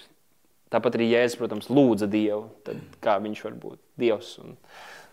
Jā, nu, mums uh, varbūt, ka, varbūt ka tas nav nemaz tik viegli un nav nemaz tik ļoti skaidrs. Nu, tas, tas, tās īpašās attiecības, kas ir Dieva trīsvienībā. Uh, Un fakts, ka mēs zinām, ka pareizi, pareizi mēs izrunājam trīsvienību Dievs Tēvs, Dievs Dēls un Dievs Svētais Gars. Jēzus, protams, ir, un viena no tām rakstvietiņām ir Filipiešiem otrajā nodaļā, kur viņš saka, ka viņš sevi paz, neturēja par laupīm līdzināties Dievam, sevi iztukšoja. Un mēs saprotam, ka tā ir Uh, par viņa zemes dzīves laiku, par viņa kalpošanu, kamēr viņš atradās šeit starp mums, ka viņš no visa dievišķā sevi iztukšoja, viņš kļuva, viņš kļuva absolūti uh, simtprocentīgs cilvēks, ja? reizē būdams simtprocentīgs dievs. Uh, bet tajā pašā laikā viņš ļoti daudzās vietās, Jānis 14, 11, viņš saka, ticiet man, ka esmu tēvā un tēvs ir manī. Turpat tālāk viņš saka, viss, kas tēvam pieder, pieder man un, un tā tālāk. Es domāju, ka viennozīmīgi Jēzus mums cenšas pateikt, ka viņš ir trīsvienības otrā persona. Otrā persona jā. Un tur pateikt, par cik viņš ir lielāks vai mazāks, vai viņi tieši mums kaut kā uzreiz visu mēs tā kā hierarhijās liekam, mēs kā, kurš ir galvenais. Nu, es, es baidītos tur tādu apgalvojumu izteikt. Es saprotu, ka ir Dievs, ir viens Dievs, un tas ir Dievs, trīs, viens trīsvienīgs Dievs, Dievs Tēvs, Dievs Dēls, Dievs Svētais Gars. Un, un visas um, trīs man personas, ar to pietiek, jā. Un visas trīs personas ir, ir vienlīdzīgas, ir līdzvērtīgas, un tajā pašā laikā mēs saprotam, ka uh, šajā vēsturiskajā posmā, kamēr Dievs dēls kļuva cilvēks Jēzu Kristu, ka tas bija īpašs laiks, kad, kad tā viņa pozīcija pēc būtības nemainījās, bet viņš bija misijā, uzdevumā, kur, kur viņš pazemojās, kļūst, kļūstot cilvēkam līdzīgs. Un, viņa atkarība no dieva un šīs sadraudzības, kurā viņš bija bijis mūžīgi, noteikti bija bija ārkārtīgi stipra. Un, teiksim, šis te pat Jāņa Evanģelijas 14. nodaļa, kāds var teikt, jā, tā Jēzus saka, tēvs ir lielāks nekā es, bet mums tas jāsaprot kontekstā ar šo misiju, kuru viņš pilda, un ar to mīlestības vienprātību, kurā, viņš, kurā Dievs vienmēr ir eksistējis savā trīsvienībā. Bet, piemēram, četras nodaļas iepriekš, desmitajā nodaļā, Jāņa 10.30, tur Jēzus saka, es un tēvs, mēs esam viens. Un šis vārds viens nerunā par to, ka vienkārši mēs esam draugi, bet tas runā principā par to, ka viņi ir vienādi, Absolūti, ka viņi ir identiski. Un tad arī, kad jā. Jēzus sūta svēto garu, tad šis aizstāvis arī ir šis pats vārds, tieši tāds pats, bet cits. Tātad tieši tikpat spēcīgs, tieši tikpat uh, varens, vizzinošs un, un, un spējīgs, bet cits. Tātad trīs. Uh, bet nu, te jau mums būtu jārunā par trīsvienību. Man šķiet, ka cilvēki, kuri uh, šādus argumentus uh, vērš pret Jēzu, kad, ka viņš būtu teicis kaut ko. Pirmkārt, viņi noraida visas tos pārējās raksturvietas, kuras pavisam klāji un skaidri mums apgalvo Jēzus un, un, un, un uzrāda Jēzus dievišķumu, bet arī neizprot varbūt šo trīsvienību un, un, un, un kā, kā tas īsti pastāv. Uh, var pastāvēt mūžīgi, un arī tajā laikā, kamēr Jēzus bija misijas, misijā šeit virs zemes. Un ebrejiem 2.9 ir arī rakstīts par Jēzu, kur rakstīts, un mēs redzam Jēzu, kas īsu laiku bija padarīts mazāks par eņģeļiem. Nāves ciešanu dēļ ar godu, slavu vainagots, lai Dieva žēlstība būtu baudījis nāvi par visiem. Tātad mēs redzam, ka tas bija īpašs periods, laiks, kad viņš bija pats atteicies no daudz kā dievišķā, un tad mēs tātad daudz no šīm lietām varam izskaidrot caur to noteikti. Uh, tad divi jautājumi, kas rodas, un daudz arī no šādiem maldu sludinātājiem tos apgalvo, ka Jēzus misija bija tāda. Jēzus ir piemērs, kā mēs varam bezgrēcīgi dzīvot. Tā nevis tātad ne, gan kā, bet arī ka mēs varam. Jēzus parādīja, ka mēs varam. Ja mēs tiešām gribam, mēs varam bezgrēcīgi dzīvot, svētu dzīvi.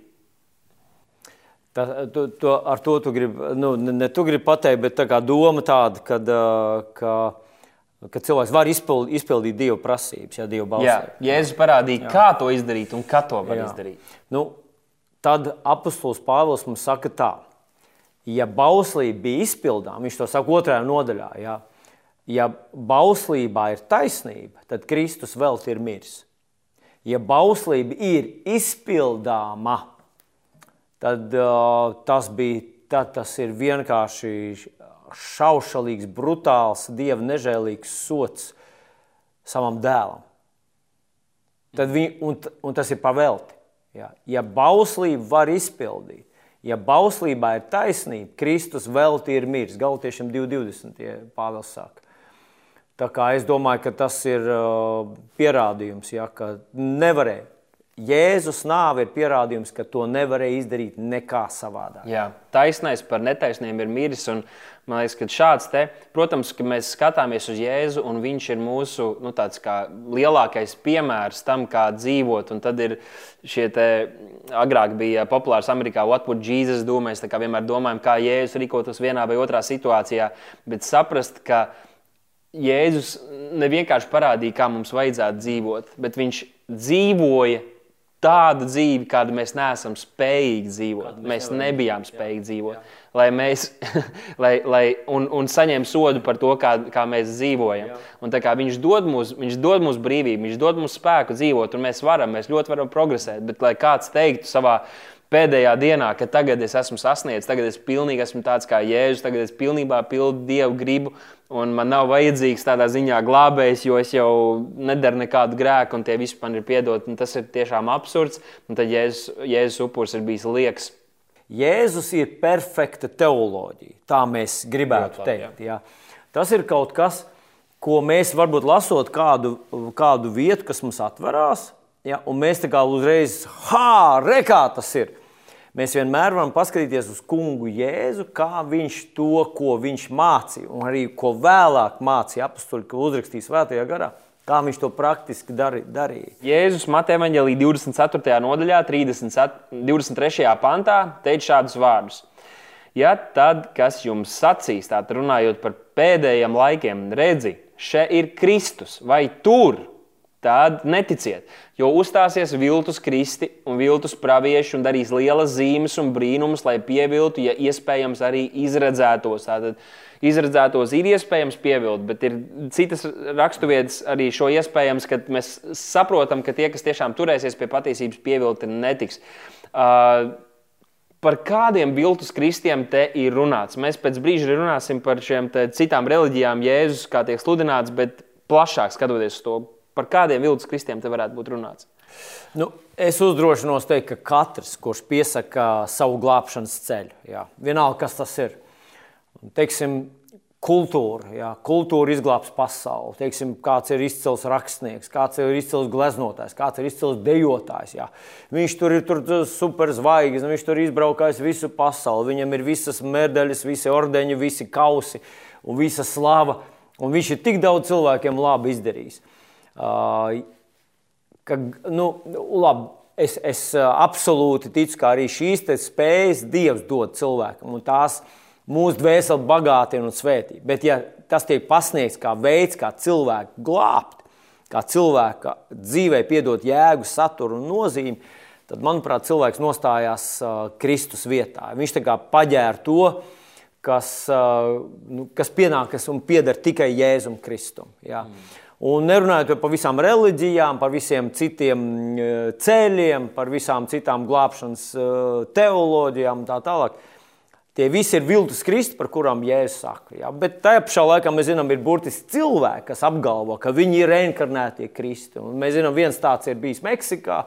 Cik es zinu, ja viens tāds ir Ļoti Krievijā, jā. Jā, un, un, un uh, es nebrīnos, ka tas laiks, uz kuru mēs iesim, ja, ka viņā parādīsies ar vien jaunas figūras un, un mēģinās to ap, apmēram ievērot to, nu, to to ārējo vizuālo tēlu, ja nes tas garāks matus, tad, tad lēnprātīgs sarunas veids un tā tālāk.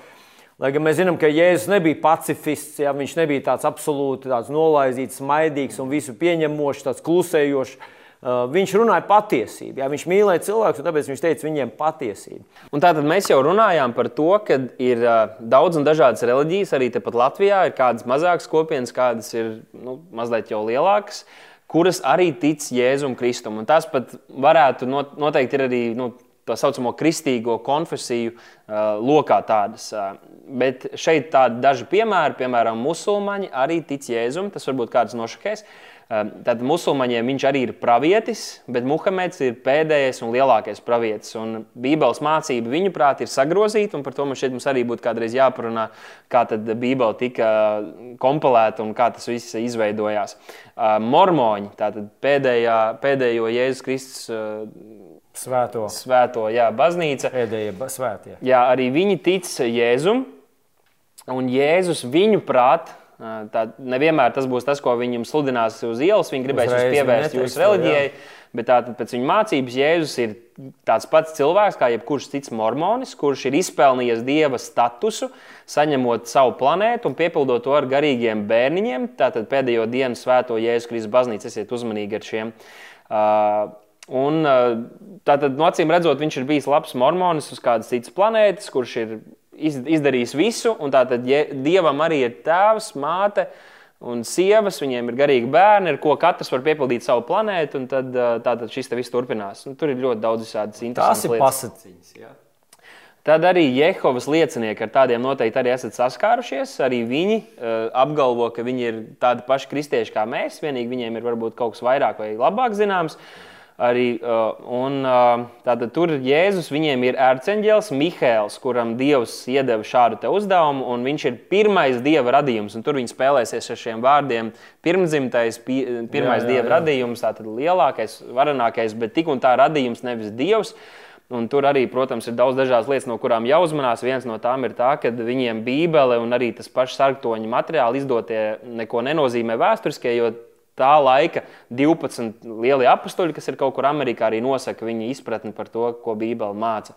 Tāpat varētu minēt arī citas kristīgās konfesijas un sektas, kur Jēzus ir zemāks par Dievu, vai tikai starpnieks, nevienlīdzīgs ar, ar Dievu, varbūt arcangels Mihēls vai kaut kas tamlīdzīgs.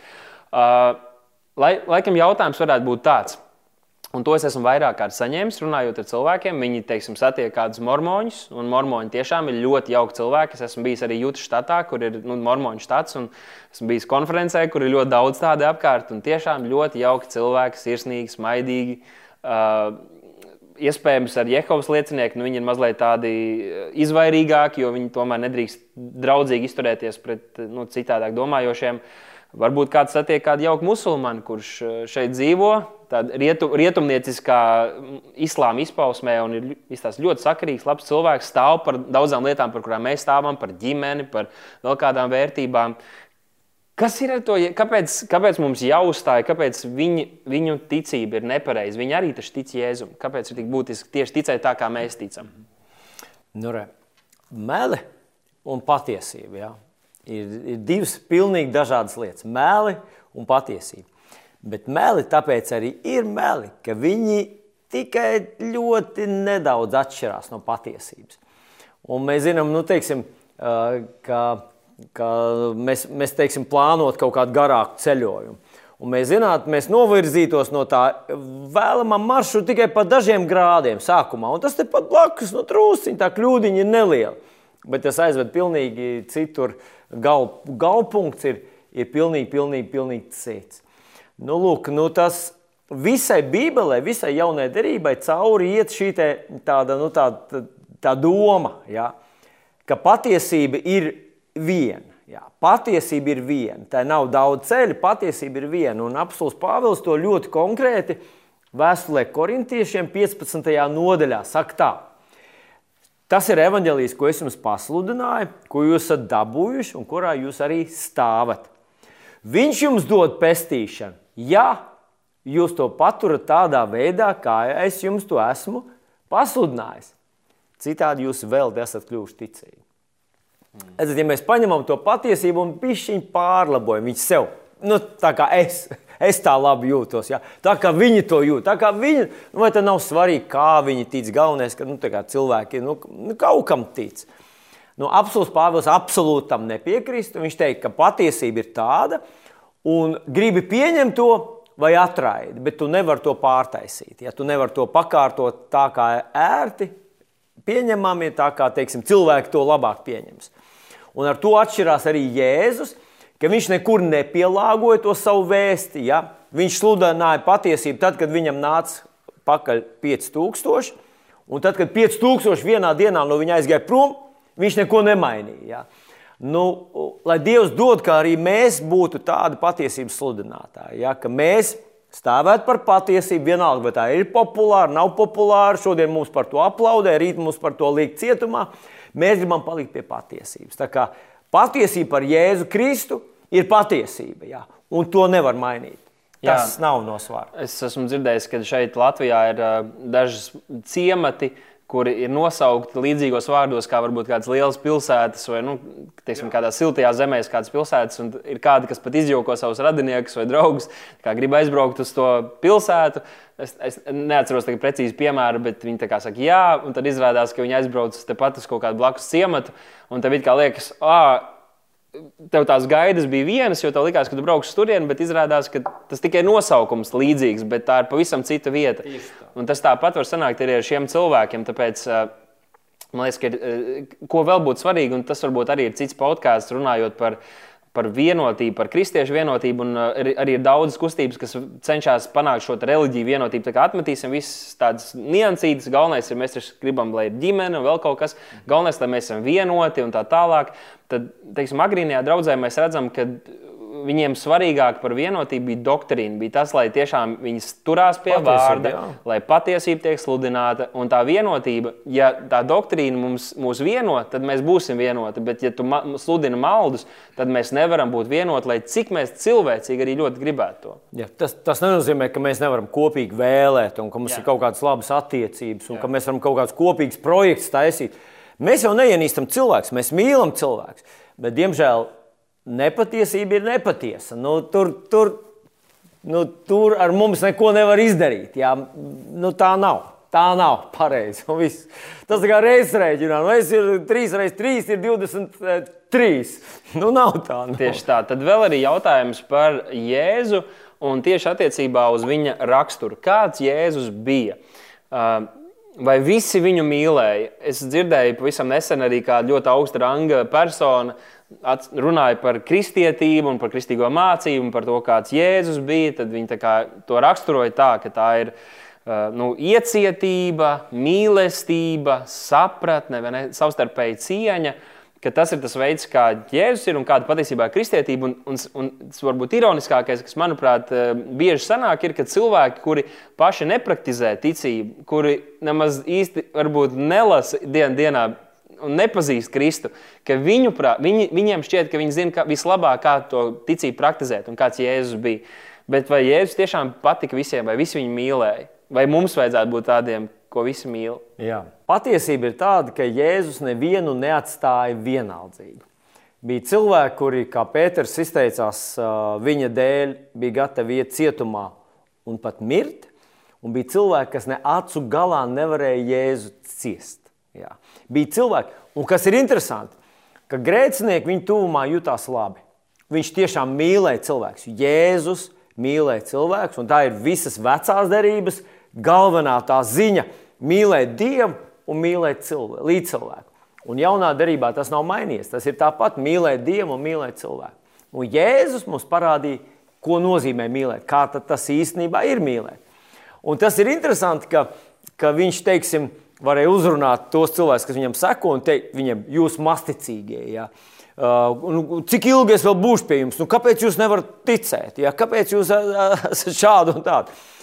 Viņš nebija tas saldais jēzus, kurš vienmēr teica, vai cik labi, vai cik labi, vai, vai, vai viss ir labi, viss ir brīnišķīgi. Jā, kādā sievietē viņš saka, nepieklājas man bērnu maizi dot suņiem. Jā. Un daudzas lietas Jēzus teica tādas lietas, kuras, ja mūsdienās kāds mācītājs nu, nu, jā, nu, jā, jā, tas, tas, kā, tas, tas var būt mazliet. Tas jāsaprot konteksts. Tas, tas dursiņ jāpaskaidro, jā, tas, tā, tas ir tāds. Bet fakts, ka Jēzus runāja tik ļoti mīlēja cilvēks, ka viņš teica viņiem patiesību. Un tas ir tas, ko nu, meli, saldi meli. Ir meli. Tā nav mīlestība. Mēs, gribam, mēs visi gribam, lai mums saka patiesību. Mēs gribam zināt patiesību. Un Jēzus bija absolūta patiesība, jebkurā situācijā, kā jau mēs jau pieminējām. Jā, tā kā cilvēki vai nu viņu ienīda, vai mīlēja. Un tieši to pašu dara šodien. Cilvēki vai nu ienīst patiesus Jēzus sekotājus un viņus vajā, vai viņi viņus pieņem un mīl. Jēzus vārds, cik tas ir būtisks kristiešu dzīvē? Jēzus vārds ir ļoti būtisks. Viņš ir, viņš ir nu, kā lai pasaka, uh, viņš ir sasaistīts kopā ar to, ko Jēzus ir izdarījis. Tas nenozīmē, ka tas būtu ārprātīgi zaimojoši, ja kāds nosauc savu dēlu par Jēzu. Un, un tāda piemēra ir, tu aizbrauc uz kādu valsti, tur būs visās malās Jesus. Jā, uh, īstenībā, īstenībā Jēzus laikā šis bija viens no populāriem vārdiem, Jēzus. Ja? Jo tas nozīmē, ka Jahve glābi. Jahve ir e, Dievs, kā viņš sev atklāja vecajā derībā. Jahve glābi vai Jēzus, Ješo. Uh, un tas nenozīmē, ka visi tie cilvēki nu, vai nu darīja kaut ko absolūti aplam, vai viņiem piemīt kaut kāds īpašs, īpašs kaut kāda dieva klātbūtne viņu dzīvē. Jo jūdu kultūrā tas vārds un tā tā persona vai tas notikums, tās ir divas savienotas lietas. Faktiski, man nav jāsaka, Jēzus nācerieša vārdā, jo, lai nesajauc, kuru, par kuru Jēzus runā, jo daudz ir Jēzus, lai tieši tas. Bet apakstuļi to darīja. Apakstuļi tā darīja, jā. Tas, tas, tas, nu, es nesaku, ka to nedrīkst darīt. Es saku, ka ar to, ar to vien, ka es saku Jēzus vārdā, uh, manā asociācijā un visā garīgā pasaulē tas nozīmē, ka es runāju par to jēzu, kuram es ticu. Viņš teica tā, kas man ticas, arī tos darbus darīs, ko es daru. Un tas, tas vienmēr ir saistīts, tas Jēzus vārds nav parole. Ja? Tas ir saistīts ar to, ko tu zini, ko tu tici, ko Jēzus ir izdarījis. Un tādā ziņā tam ir milzīga autoritāte. Milzīga, mēs tikai sākam atklāt šo vārdu autoritāti un nozīmi. Bet tā ir saistīta ar tavu atklāsmu, ar to, cik tu redzi, kādu tu viņu pazīsti. Un īstenībā tāda, autor, tāda ir Jēzus autoritātes, tāda ir Jēzus vārda autoritāte tavā mutē. Cik tu viņu personīgi pazīsti un cik tas tev ir atklājies. Un, ja tas tev nav atklājies, tad tu vari lietot to vārdu un Un tu neko lielu nesajūtīsi. Jā, Filipiešiem 2,9 rakstīts, tāpēc arī Dievs viņu ļoti paaugstinājis un dāvinājis viņam vārdu pāri visiem vārdiem. Un šī, šī raksturvieta, varbūt, ko mēs, vismaz es kalpošanā diezgan bieži pieminu par to, ka šis vārds ir vārds pāri visiem vārdiem, vienalga kādas diagnozes, vienalga kādas situācijas, kā tu tās varētu nosaukt. Viņa vārds triumfē šos vārdus, un tiem vārdiem ir jā, jāpadodas šai autoritātei, kas ir Kristu Jēzu. Man liekas, ka labs piemērs ir arī nemaldos skēves dēli, kas uh, bija ap, ap, apakstuļi, tā sludināja Kristu un redzēja zīmes un brīnumu. Tad šie puiši tā skatījās no malas un domāja, wow! Tas ir baigi maģiskais vārds. Mēs arī gribētu redzēt tādas brīnumus un lietas piedzīvot. Un, uh, tad viņi arī gāja un to darīja. Un izrādījās, ka tas nevienmēr tā strādā. Ka tev ir jābūt šīm attiecībām ar Dievu, un tev jābūt šai izpratnē par to uh, svētā gara svaidījumam, spēkam tavā dzīvē. Un tad šis demoniskais spēks, ko viņi gribēja izzīt, Jēzus vārdā nāca un viņus ritīgi pārmācīja, jo jā, viņiem nebija tā aizmugure. Tā Jēzus vārdā, ko Pāvils sludina. Jā. Jā. jā, bet redz, kur, redz, kur uh, apelsīns Pēters otrajā vēstulē, pirmajā nodaļā, viņš saka tā. Žēlastība jums, lai ir bagātīga mūsu kungu Jēzus Kristu atziņā. Un trešais pāns uh, saka to pašu domu, cik daudz tu viņu esi atzinis. Ja? Tik daudz tu saņem no viņa žēlastības un, un no tās viņa bagātības. Un tātad tas, tas ir ļoti saistīts ar to, ja, cik tu pazīsti jēzus, cik tu saprati, cik tas ir atklājies tev, ko viņš ir priekš tevis darījis. Tik daudz tas strādā tavā dzīvē. Okay, tad vēl pēdējie divi jautājumi.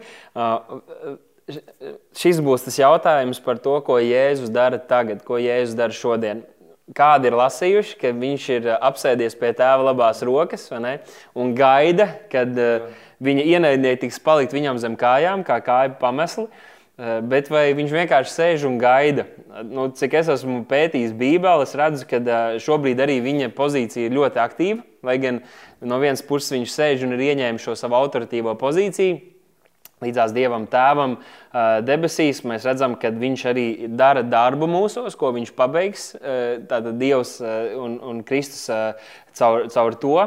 Mēs redzam, ka Viņš arī ir mūsu aizstāvis, kas ir pie, pie tā labās rokas, kurš aizlūdz par mums, kurš iestājas par mums. Un tā arī pat arī Bībele saka, ka Viņš gatavo mums vietu. Vienalga, ko arī mēs ar to saprotam, kāda domā, ka viņš nodarbojas ar celtniecību un, un bruģē tavu, tavu sētu. Pagaidām, mēs lasām atklāsmes grāmatā, ka jaunā Jeruzaleme nonāks kā zelta pilsēta, nonāks uh, uz jaunās zemes un nolaidīsies. Tā ir tā vieta, ko Jēzus gatavo. Nu, lūk, tad, uh, tad, kad viņš būs beidzis uh, būvēt šī, šīs ēkas, ja? tā, viņš teica, ka esmu, kad es to būšu sagatavojis, es jūs ņemšu pie sevis. Nu, jā, bet viņš jau var arī nepraktiski būvēt, bet runāt vārdu un radīt lietas. Kā, tieši es, es, es, es, es, es mazliet ironizēju tieši par to, kā, kā viņi pauž to, kā, kā šī vietas gatavošana notiek. Lai gan, protams, ka tā ir. Es teicu, ka ka, viņš to darīs. Un, ja mēs varam pātrināt kaut kā šo viņa atgriešanos, bet es varbūt kaut ko vēl nepie, nepieminēju. Tā tikai tāda varbūt maķinīta, tāda nenopietna doma, ka ja šo pasauli mēs sakām, ka tā ir skaista, viņš to radīja sešās dienās. Ja? Nu, to vietu viņš gatavo jau ilgāku laiku. Jā, tā, ir, tā ir jābūt ļoti skaistai vietai. Nu, nu tā, tā doma, ka, ka tur Noteikti, nu, tikai mūsu cilvēcīgās mēroklos. Bet man uh, ko gribējās pieminēt? Nu, ir tāds uh, sens stāsts, es to stāstu Bībeles skolā um, par mācītāju Lakstiņu Gunāru, kur viņš uh, pāris reizes, uh, vēl kad es biju Golgāts Baptistu draugzē, viņš stāstīja nu, tāds stāsts par divām māsām. Nu, tā var teikt, tas stāsts ir, ir, ir garāks, un es negribu aizņemt jūsu laiku šodien. Bet viņš stāstīja par divām māsām, no kurām viena nomira. Viņas bija sarunājušas, ka tā, kur pirmā nomirs, atnāks atpakaļ pie otras māsas nu, un izstāstīs, vai, vai ir Dievs un ir debesis un ir viss tā, kā mēs ticējām. Nu, lūk, un, un tad tas stāsts ir tāds, ka tā māsa atnāk, atnāk pēc 15 gadiem. Un, un tā viena māsa saka, hei, kur tu tik ilgi? Mēs tik sarunājam. Teica, mēs nodziedājām debesīs vienu dziesmu. Ja? Debesīs viena dziesma, šeit pagāja 15 gadi. Nu, iespējams, ka, iespējams, ka tas laiks, nu, kā mūsu izpratnē, mums ir jau 2000 gadi ārprāts, viņš te nenāk. Ja? ka debesīs tas laiks ir pavisam cits. Jā, tur tās mērvienības mums, kas liekas, vai cik ilgi, ilgi, ilgi. Jā, tur, nu, es kā jēzu, tas, kurš bija, kurš ir uh, un kurš nāk. Jā, viņš jau nāk, jau, un mums ir vai, vai viss tik iet tik ātri. Jā, un Jēzus ir aktīvs arī šodien. Viņš darbojas mūsos, viņš darbojas caur mums, viņš dziedina, viņš glābi. Un, uh, to, to mēs redzam ikdienas, un jāsaka, ka, ka arī šeit mūsu vidū kādreiz cilvēki liecina par to, ka, ka, ka Jēzus atklājas personīgi arī pat kādiem, kas nu, varbūt ir ilgi nezinu, nolieguši viņu. Uh, vai nu, kaut kādos meklējumos, bet kādreiz ir tādi reti izņēmumi, kad, kad tiešām personīgi kaut kā uzrunā un atklājas. Bet, uh, tas, ko, dzird, ir, ko var dzirdēt, ir no šiem misijas laukiem kaut kādās uh, valstīs, kur ir, kuras ir ļoti noslēgtas, kur ir, uh, kur ir uh, nu, grūti vai gan neiespējami kādām kristīgām organizācijām iet un sludināt evaņģēlīju, lai gan tas notiek, kad ir, ir, ir, ir situācijas, kur ir tiešām liecības var internetā atrast, kur ir cilvēki, kas ir bijuši augstās amatos un, un ļoti tādā nošķirtā vidē no kristīgās dzīves un mācības ka Kristus ir atklājies eh, cilvēkiem, un, un pat mošajās tas var notikt eh, pavisam personīgā veidā. Un šeit Vineta mums ir iesūtījusi jautājumu, un to varēs arī pateikt to, ko tu vēlies eh, vēl papildus. Bet tas jautājums ir tāds, kāpēc Jēzus kādiem atklājas personīgi, piemēram, kā Pāvils Sauls, vai tie ir īpaši izredzēti cilvēki, kuriem tā atklājas, vai kā, kā mēs varam to paskaidrot? Dažreiz tas tiešām tā notiek. Man gan gribētos varbūt mazliet oponēt, ka, ka varbūt ka tas nav Jēzus, jā, jo šis ir svētā gara laiks. Un Jāņa evanģēlijā 16. nodaļā mm, no 24. pantu uz priekšu Jēzus saka, kad nāks patiesības gars, tas vedīs jā, patiesībā. Viņš nerunās no sevis paša, bet runās to, ko dzirdējis, darīs zināmas nākamās lietas. Viņš mani cels godā, jā, jo viņš ņems no tā, kas ir mans, jums to darīs zinām. Manuprāt, tas ir svētais gars, kurš uzrunā tos cilvēkus kaut kādās tādās īpašās situācijās un, un um, īpašs cilvēkus. Bet uz to paļauties nevajag, to gaidīt nevajag. Jo tas normālais dieva ceļš, kā šodien viņš uzrunā cilvēkus, ir caur kādu cilvēku, kurš atnāk pie tevis un visām savām cilvēciskām vājībām un cilvēciskajiem trūkumiem. Viņš stāsta tev evaņģēlīju vēst par Jēzu Kristu. Tas ir normālais ceļš. Un kā jau ja, ja Dārvids man atļauja vēl mazliet piesaukt, to mēs runājam pirms mirkļa ja, par, par to, ko tad Jēzus darīja tajās, tajā, tās trīs dienas, kamēr viņš bija miris. Uh, tad es pieminēju to, ka, ka nevajag paļauties uz otru iespēju. Man gribas teikt, ka vairākas vietiņas Bībelē saka, ka ka šī dzīve ir vienīgā, vienīgais laiks, kad mēs varam pieņemt jēzu par savu kungu. Un kad mums kāds cilvēks nepilnīgi, nemākulīgi, bet sludina Jēzus evaņģēlīju vēsti, tas ir veids, kā Dievs mūs uzrunā. Un ja mēs to noraidīsim, otras iespējas nebūs. Otras iespējas vienkārši nebūs. Mēs varam aizbildināties, teikt, ka viņš ir šitāds un tāds. Un es atceros, viens no brāļiem, kas man uzrunāja, viņam lidoja ārā burbuļi no viņa mutes un trāpīja man virsū. Man tas tik šausmīgi kaitināja, ka es viņam gribēju iegāzt pa, pa, pa seju jaunībā. Tas āgrā, āgrā stāva jaunībā. Bet tajā pašā laikā man bija skaidrs, sapratni, ka tas ir Dievs, kas man uzrunā caur viņu. Ja? Protams, es neko nedarīju, bet tas, man tas uzrunāja, ka tas var būt tik kaitinoši un reizē Dievs. Ja? Tātad tas ir normālais, leģitīmais veids, kā Dievs šodien uzrunā. Jā, ir apustulim Pāvilam līdzīgi cilvēki, kāpēc Dievs izvēlas viņus uzrunāt īpaši. Un mēs redzam, ka interesanti, ka Jēzus neuzrunā ne Pilātu, ne Hērodu pēc savas augšām celšanās. Neiet pie tiem romiešu kareiviem, kas viņu tur sita un, un, un prasīja pravieto mums. Viņš iet tikai pie tiem cilvēkiem, kas viņam jau tic. Varbūt mazliet viņš šaubās, bet jau tic. Nu, un uh, es ar to gribētu teikt, ka tie ir kaut kādi gadījumi, kad svētais gars īpaši uzrunā kāds cilvēks. Es nemāku izskaidrot, kāpēc tas tā notiek.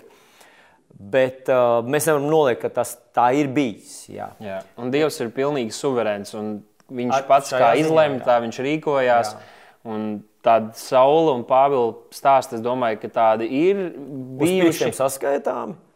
Un neviens no mums nevar paģērēt no Dieva tādu pieeju. Jā.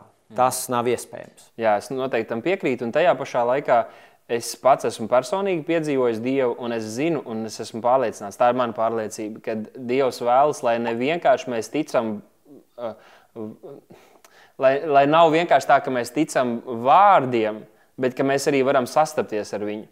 Jo, protams, ticība nāk no vārdu dzirdēšanas, un tas ir viss, kas nepieciešams, bet tāpat viņš grib atklāties. Un katram tas var iztīties dažādos veidos. Es neesmu redzējis viņu fiziski, bet es esmu piedzīvojis viņu klātbūtni. Tas tiešām aizdedzināja, aizskāra man dzīvi un, Jā. un izmainīja man dzīvi. Jā. Un es ticu, ka Dievs to vēlas izdarīt priekš visiem mums. Un tepat laikā Jēzus teica, ka svētīgs ir tas, kurš neredz, bet tic, un, un tādā ziņā, ka tas ir svētīgāk. Tātad, ja ir kādi, kas tev pa labi, pa kreisi, kāds redz eņģeļu, eņģeļus, kādam tur sapņos, Jēzus atnāk un tieši runā uz viņu, bet tu tici Dieva vārdam, ko viņš uz tevi runājis, un tu esi neatlaidīgi paliec ticībā, tad eh, Jēzus tevi sauc par svētīgu, īpaši svētītu. Jā. Tu, kurš, jā. Uh, jā. Es absolūti piekrītu Dāvidam, tas tā ir pareizi. Bet tajā pašā laikā man gribas pateikt, ka ticība, vārds, mm, cilvēku uzticēšanās Dieva uzrakstītajiem vārdiem jaunajā derībā ir tas, ko mēs lasām kolosiešu vēstulītē, pirmajā nodaļā, ka viņš uztur. Tas ir pārdabīgi, tas ir stipri, tā nav vienkārši cilvēka mentāla attieksme. Tas ir kaut kāds dieva dziļš radikāls darbs cilvēkā. Pat ja viņš nav redzējis eņģeļu, pat ja viņš nav sajūtis kaut kādas tādas, nu, tādas, nu, tādas garīgas, kaut kādas atklāsmes, superatklāsmes. Tā, mm. tā ir atklāsme, dziļš, garīgs dieva darbs, brīnumains darbs cilvēkā, ja viņš uzticās dieva uzrakstītajam vārdam. Tas ir brīnumaini. Jā, es pilnībā piekrītu. Uh, paldies par sarunu. Paldies jums, kas jūs skatījāties. Kas paldies jūs par pacietību. Jā, tas, bija, tas bija varonīgi. Jā, jā ka jūs izturat. Uh, un, un tiešām man šķiet, ka šie podkāsti ir tiem, kas patiešām meklē, kas patiešām grib zināt. Un tāpēc tas mērķis nekad arī nav bijis, lai tas ir populārākais podkāsts Latvijā, bet gan tiem, kuri vēlas meklēt atbildes un vismaz dzirdēt nu, mūsu viedokļu un izpratni šajās lietās, kad eh, tāda iespēja ir. Tā kā vēlreiz aicinu ielikt eh, laikus, uzspiediet patīk, eh, tur, kur jūs šo podkāstu arī skatāties vai klausāties. Ierakstiet kādu komentāru, uzrakstiet mums kādas atsauksmes, ja tas jums palīdz, ja tas jums nāk par svētību. Ja jums ir kādi citi jautājumi, kurus jūs gribētu, lai mēs apskatītu, mēs noteikti priecāsimies no jums dzirdēt, un tad jau tiekamies nākamajā podkāstā.